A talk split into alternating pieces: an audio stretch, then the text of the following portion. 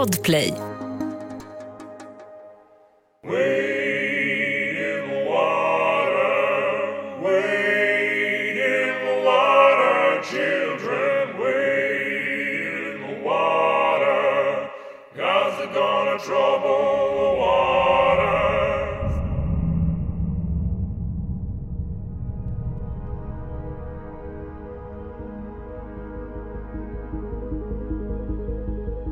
Den 20 februari 2017 avlossar polisen ett varningsskott efter att de blivit utsatta för stenkastning i samband med gripandet av en efterlyst person i Rinkeby.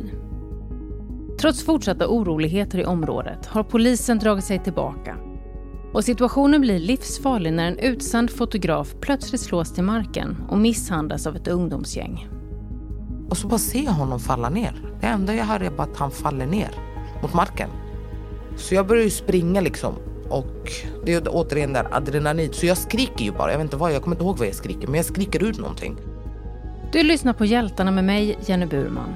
Och i det här avsnittet får du följa med till Rinkebykravallerna och möta Shaima Hakam som visar stort civilkurage när hon stoppar misshandeln och räddar mannens liv. Så jag böjer ju mig över honom som om min, min, min rygg liksom ska skydda honom och jag försöker söka kontakt. Han ligger ju bara i fosterställning och skriker. Specialgäst i avsnittet är Alexander Tilly som är legitimerad psykolog med inriktning inom konflikt, hot och våld. Och som bland annat har erfarenhet från arbete inom polisen. Välkommen säger jag till dig som lyssnar. Här kommer Shaimas berättelse.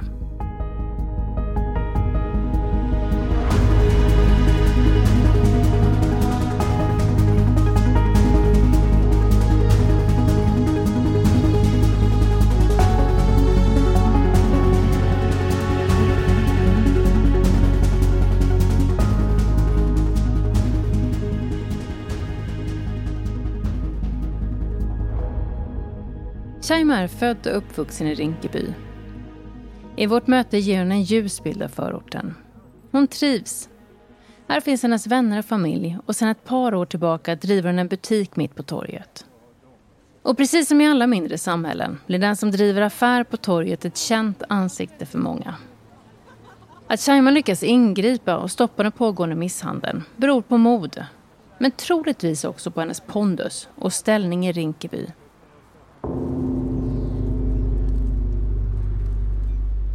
Måndagen den 20 februari börjar som en helt vanlig dag. Klockan är strax efter sju på kvällen och Shaima låser sin affär och går hemåt. Men bara efter en knapp timme får hon ett samtal från en vän som säger att det brinner på torget.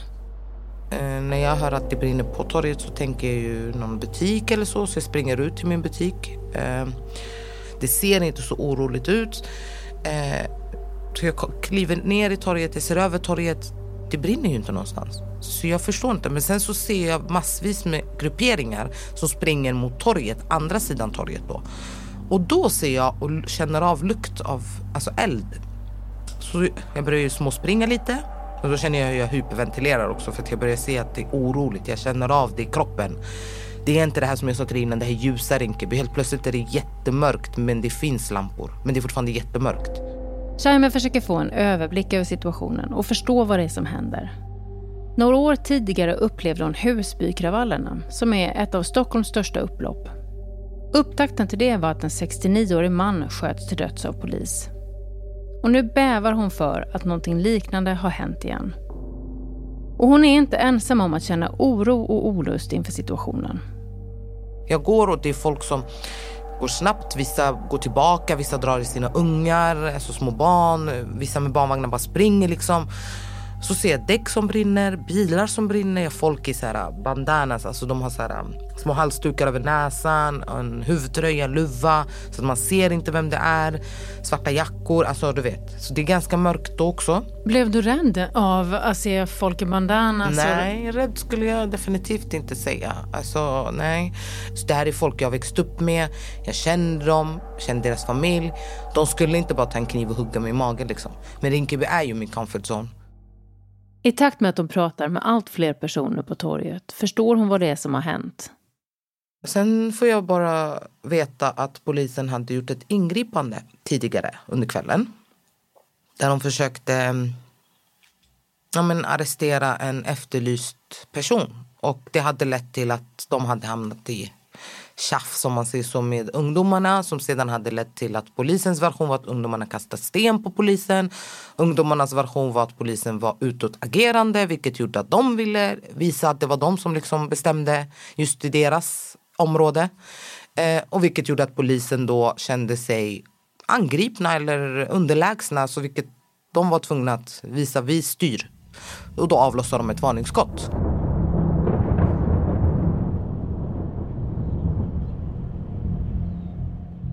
Det som händer nu betraktar många eldsjälar och boende i Rinkeby som ett svek. För trots att oroligheterna inte visar någon tendens att avta avviker plötsligt polisen. En handling som de senare också fått mycket kritik för. Ja, men jag är ju bara frågsam. För jag är så här, om inte polisen kan gripa in nu, vem är det som ska göra det? Vem? Varför kom de inte tillbaka? För de hade fått order tydligen av deras chef att inte gripa in utan backa tillbaka, omorganisera, eh, planera och, gå in och igen. sen gå in igen. Hade ni, ni har inte tid att backa och omorganisera och kalla förstärkning. Vi pratar om ett par ungdomar som är arga och visar sin aggression. Ni kan inte ta hand om dem. Ni kan inte begränsa dem. Hur ska ni göra om det är terrorattentat? De här ungdomarna hade sån dålig energi alltså sån dålig aura att det spred sig över hela torget. För att jag började se vilken utsträckning det här är på väg mot. Det här är inte på väg mot någonting bättre. Det kommer bara bli värre och värre och det kändes som att de bara testade sina gränser. Hur långt behöver vi gå för att polisen ska komma?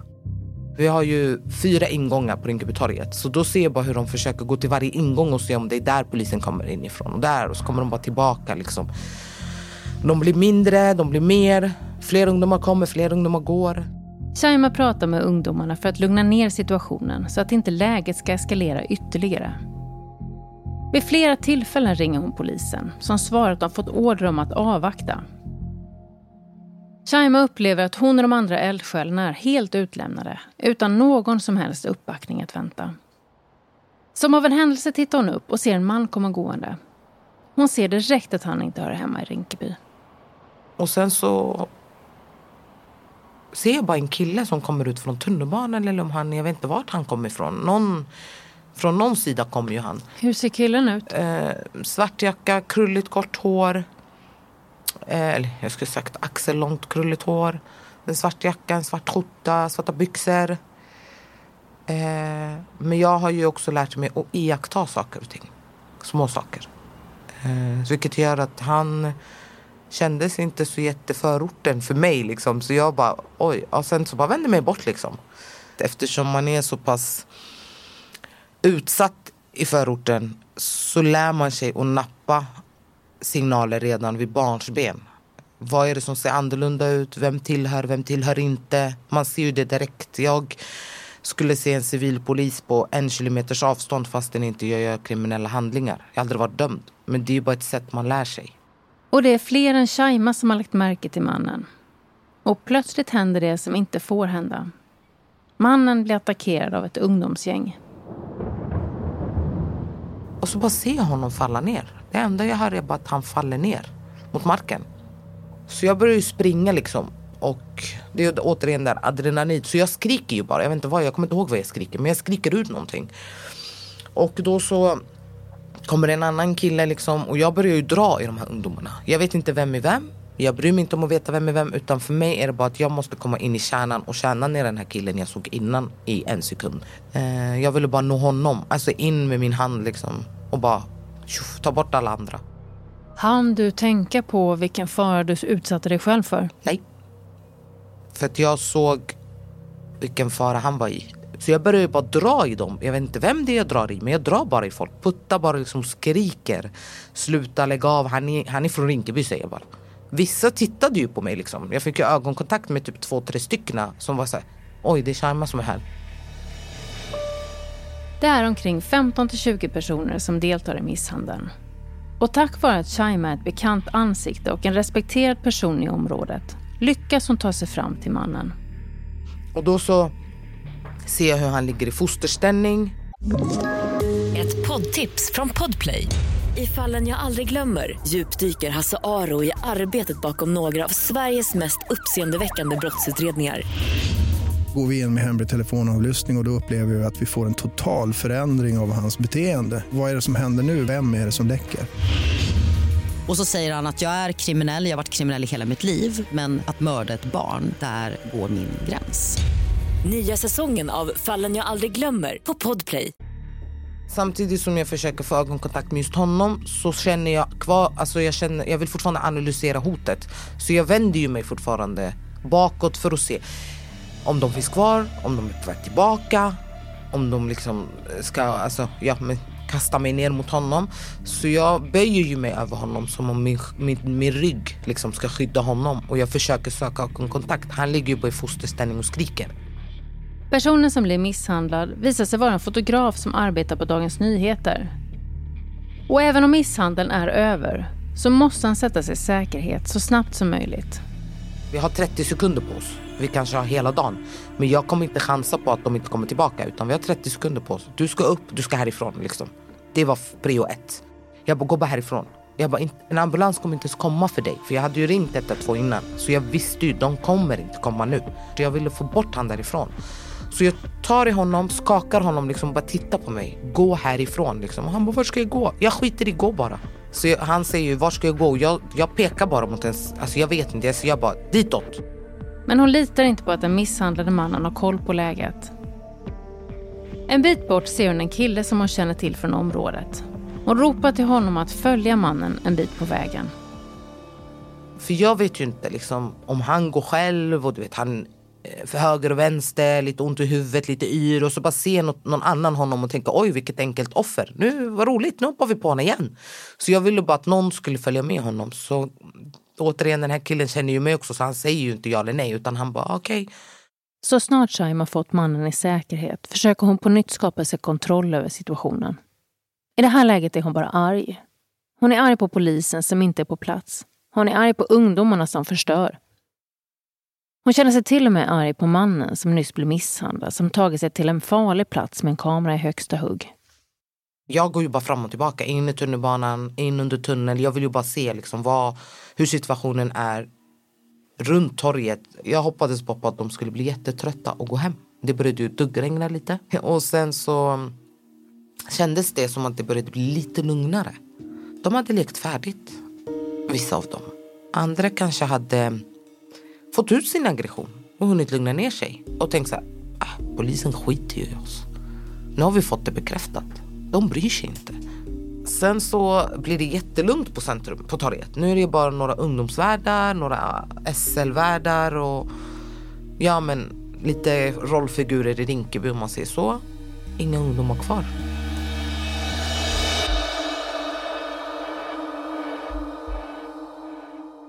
Polisen anlände till platsen strax före midnatt. Läget har då lugnat ner sig men skadegörelsen på platsen är stor. Butiker har plundrats och bilar har satts i brand. Polisen har inte bara kritiserats för sin frånvaro utan också för att de heller inte lyckades gripa någon person på plats.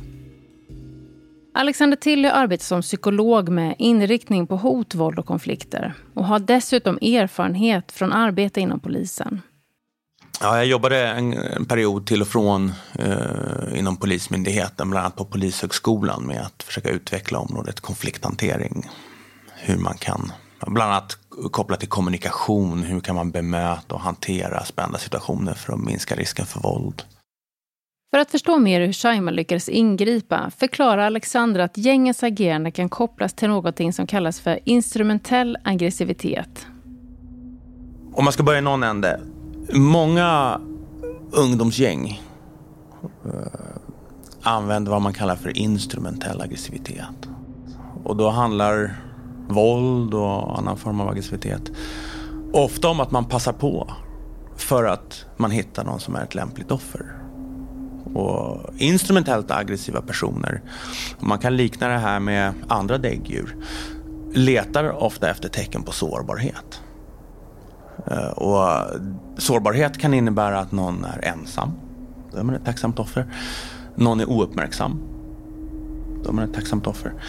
Eh, någon utstrålar eh, sårbarhet med sitt kroppsspråk eller ögonkontakten eller hur man reagerar på olika sätt. Och en fjärde variant är att man utstrålar sårbarhet utifrån hur man reagerar när man blir testad. Och det är väldigt vanligt att instrumentellt aggressiva personer testar sin motpart. Med små hot, att stå nära, tilltal, eh, oförskämdheter, opassande förslag, beröring, ställa sig runt omkring. Och beroende på hur folk reagerar så läser man av om det här är ett lämpligt offer. Aggressivitet finns i olika former och för att vara framgångsrik i konflikter behöver taktiken se olika ut. Och enligt Alexander finns det idag en hel del jobb kvar att göra i samhället just kring hur vi bemöter den instrumentella aggressiviteten. Här finns det eh, kunskapsluckor ska jag säga, inom de flesta verksamheter i Sverige. Därför att eh, om man konsekvent tillämpar de metoder som funkar för upprörda människor i mötet med människor som testar gränser så räcker inte det. Och det här ser man inom många andra verksamheter. Jag kan ta skolan som ett exempel. Eh, inom skolan jobbar man mycket med lågaffektivt bemötande som, som funkar väldigt bra när det gäller att avleda, behålla lugnet, förstå bakomliggande orsaker. Eh, och för personer som har autism eller kraftig intellektuell funktionsnedsättning så, så är det verksamt. Men om man använder sådana metoder som går ut på att undvika konfrontation i mötet med instrumentellt aggressiva personer som testar gränser, då är risken att det uppfattas som precis den sårbarhet som instrumentellt eh, aggressiva personer söker. Och då kan det bidra till att det blir farligare situationer. Så att här behöver man respondera tidigt. Och när vi pratar om den här situationen så har det gått väldigt långt. Det vill säga att det är svårt att respondera tidigt när man befinner sig i liksom ett handlingskedja som har pågått länge. Och här, här som förtroende, ömsesidiga förtroendet mellan många människor i förorten och polisen och vice versa är lågt. Så det här är en stor, stor uppförsbacke för att man historiskt har förlitat sig på strategier som inte funkar eller som inte räcker i mötet med instrumentellt aggressiva personer. Med större kunskap om vad som driver människor som är instrumentellt aggressiva så kan man respondera tidigare och därmed slippa hamna i så trängda situationer. Det kan minska behovet av våldsanvändning därför att det finns ofta fler möjligheter tidigt i ett konfliktförlopp än om man låter det gå för långt. Efter ett tag när polisen inte varit där så eh, försvinner folk från platsen eh, och det lugnar ner sig alldeles av sig självt. Hur, hur, vad är de psykologiska faktorerna? Hur, för jag kan tänka mig att hade polisen kommit dit så kanske det hade blivit ett annat förlopp Ja, alltså det, det är ju knepigt det här. Därför att det finns ju många exempel på när folksamlingar vill ha någon form av motpart. Och, och när det finns en motpart, då finns liksom en motivation att, att angripa och, och fortsätta. När det inte finns någon synlig motpart så, så kan motivationen minska över tid och så skingras folk. Men den andra sidan av det här det är ju att även om det då på teoretiskt plan innebär att då kan polisen backa undan så kommer det lugna sig efter, efter ett tag. Det får ju också många negativa konsekvenser. Nämligen, det innebär att skadegörelse kan äga rum, att man inte prioriterar att skydda om det nu är bilar, egendom och andra som utsätts. Och det kan ju i sin tur urholka förtroendet för, för polisen. Även om man då tänker att det skapar mindre våld om vi drar oss tillbaka. Så att det här är ju ganska komplext och vad, vad, är viktigast och vad får det här för konsekvenser nästa gång och nästa gång? Upploppet och polisens agerande uppmärksammas i media och Shaima blir intervjuad. Hon träffar också några journalister från Dagens Nyheter som tackar för att hon räddat livet på deras kollega. När det blir upplyst i media, media får jag ett samtal av hans pappa eh, som tackar jättemycket. Utan dig hade jag kanske inte fått träffa min son igen. Ja, men jag kommer till dig. Får jag träffa dig när jag kommer? Ja, du är jättevälkommen. Liksom. Jag blir Ring så glad. Sen så kommer ju själva killen till mig två dagar efter. Och när han kliver in, jag bara, jag känner ju igen den här killen. Vart har jag, känner, vart har jag sett honom? Men jag fattar ju inte.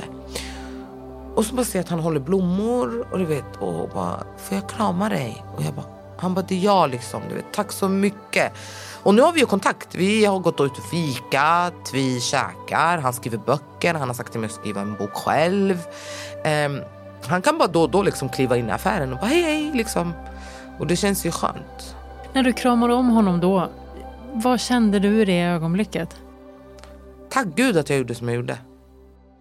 Shaimas tillit till polisen har fått sig en törn. Hon menar att det kommer dröja innan hon återfår förtroendet för polisen. Hon och alla andra laglydiga medborgare lämnades i sticket den kvällen, trots rop på hjälp. Lika utlämnad var också mannen som hon räddade. Han lyckas efter hennes ingripande fly till sin bil. Sen så ringer han ju 112 för att de ska skicka ut en ambulans. Och de säger att de inte kan skicka ut någon hjälp. De får inte. Så han får ta sig till närmaste liksom, utanför Rinkeby och ringa. Eller så får han åka in själv. Eh, han blir jätteförbannad enligt honom. Det måste varit helt livsfarligt.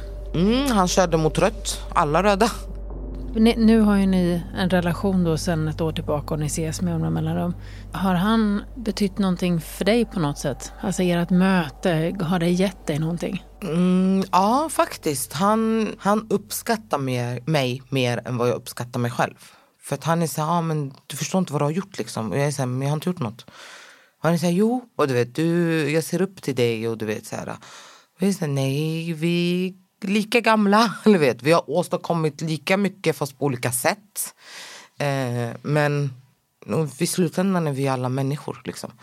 Och han är så här, nej, men du vet.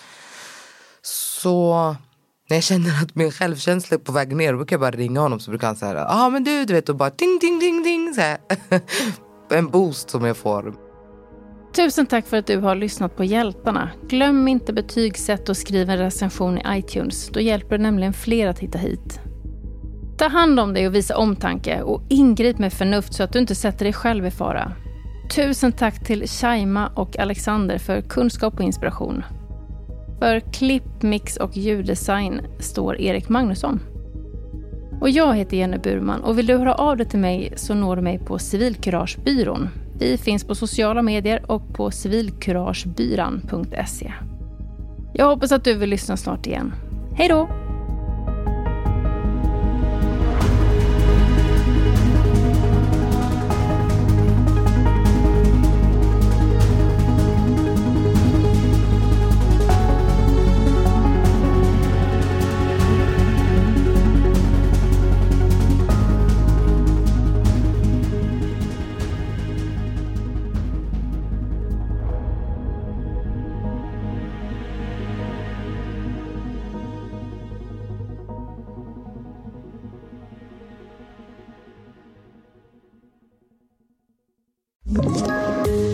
Poddtips från Podplay.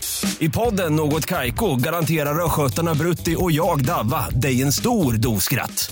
Där följer jag pladask för köttätandet igen. Man är lite som en jävla vampyr. Man har fått lite blodsmak och då måste man ha mer.